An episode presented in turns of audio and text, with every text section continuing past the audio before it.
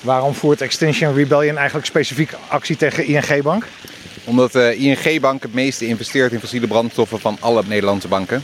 Uh, sinds 2015 is dat al meer dan 50 miljard. En in 2015 hebben alle Nederlandse banken aangegeven dat ze minder zouden gaan investeren in fossiele brandstoffen met het prijsakkoord. En uh, de ING die volgt dat uh, vervolgens niet op. Dus nu deze zomer eigenlijk een hele serie acties landelijk hè, tegen ING. Uh, ja, Extinction Rebellion voert overal in het land acties bij de ING-banken uit. we noemen dat de hete ING Zomertour. omdat zij de aarde heter maken en dus ook de zomers. En wij het bij hun proberen heter te maken, zodat ze ander beleid gaan voeren. Ja, vorige keer stonden jullie echt bij ze voor de deur op, de, op het Schuttersveld. En nu hier op de Beestenmarkt. Mocht het daar niet meer? Nou, het mag daar wel. Het, gewoon, het zijn legale acties, dus we mogen dat altijd uitvoeren.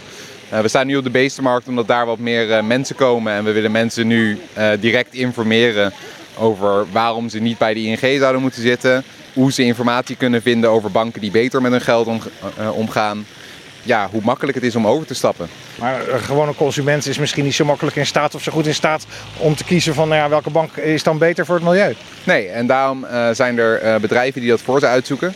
Uh, er is een website genaamd de Eerlijke Geldwijzer. Daar kan iedereen informatie vinden over hoe alle banken omgaan met het geld van, van de mensen die bij hun bankrekening hebben. Je kan daar precies zien waar ze in investeren, hoe ze scoren op allerlei verschillende thema's, dus ook op het klimaat. En uh, dan kan je daar zien welke bank er volgens de eerlijke geldwijzer dan in ieder geval uh, uh, beter met je geld omgaat.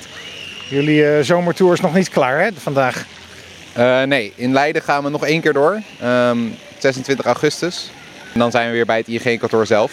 En wat we daar gaan doen, dat uh, merken jullie dan. Er werd ook opgeroepen van kom 9 september uh, meehelpen blokkeren van de A12. Want dat komt er natuurlijk ook aan. Dat moet geloof ik de grootste actie tot nu toe worden, hè? Ja, de A12 wordt iedere keer groter. En dit keer wordt hij nog groter en nog langer. Dus ik, hoe, hoe bedoel je langer?